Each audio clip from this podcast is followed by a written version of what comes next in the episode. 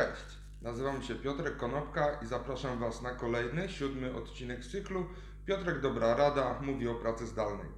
Dzisiaj piątek, weekendu początek, czyli trochę szaleństwa, jak widzicie krawa pies w czaszki. A ulubiony kubeczek jest, zdalni pomocnicy w tle biegają i przeszkadzają, a dzisiaj opowiem kilka słów na temat onboardingu. Co to jest onboarding? Onboarding to jest najprościej przyjęcie nowego pracownika do pracy i pokazanie mu, jak to się dzieje u nas w firmie, że wszystko działa płynnie.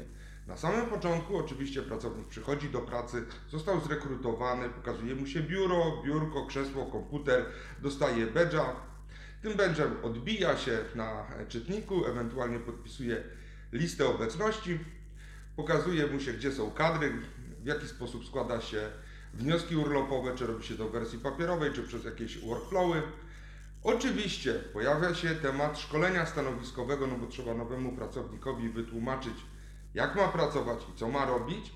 Dużo rzeczy dzieje się również poprzez obserwację uczestniczącą, to znaczy nowy kolega patrzy, jak jego już doświadczeni koledzy i koleżanki pracują, co robią, także to jest obserwacja uczestnicząca. No i z rzeczy bardziej miękkich to jest idziemy na lunch, idziemy. No dobra, to co? Dzisiaj Hindus czy Chińczyk? Chińczyk. No i wszyscy idą do tego przykładowego Chińczyka na lunch. Jak wygląda to w e, pracy zdalnej? Pomimo tego, że od 13 marca jesteśmy, czy bardzo dużo z nas jest na pracy zdalnej, to należałoby ten proces onboardingu przeprowadzić od samego początku, ponieważ wszystko się zmieniło. Ponieważ na samym początku, oczywiście, jak podpisujemy listę obecności, w jaki sposób pokazujemy naszym kadrom, że pracujemy, jak rozpoczynamy jak kończymy pracę. To trzeba zdefiniować i opisać na nowo. W jaki sposób komunikujemy się z zespołem, to też trzeba ustalić. Korzystamy z Zooma, Skype'a, Messengera, Whatsappa, Telegrama. Oczywiście Telegram ma swoje serwery w Rosji, także pewnie e, prezydent Putin wszystko podsłuchuje. Warto też zastanowić się na temat tego, w jaki sposób należy ubierać się do pracy.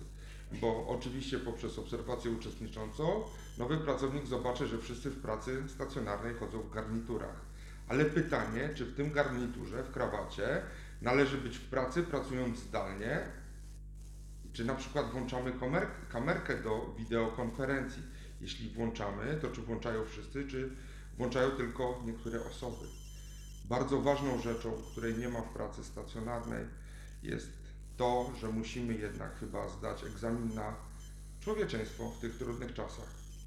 Ponieważ na samym początku, jak przyjmowaliśmy pracownika do pracy, to on wiedział, że przyjdzie do biura. Natomiast dzisiaj pracuje z domu.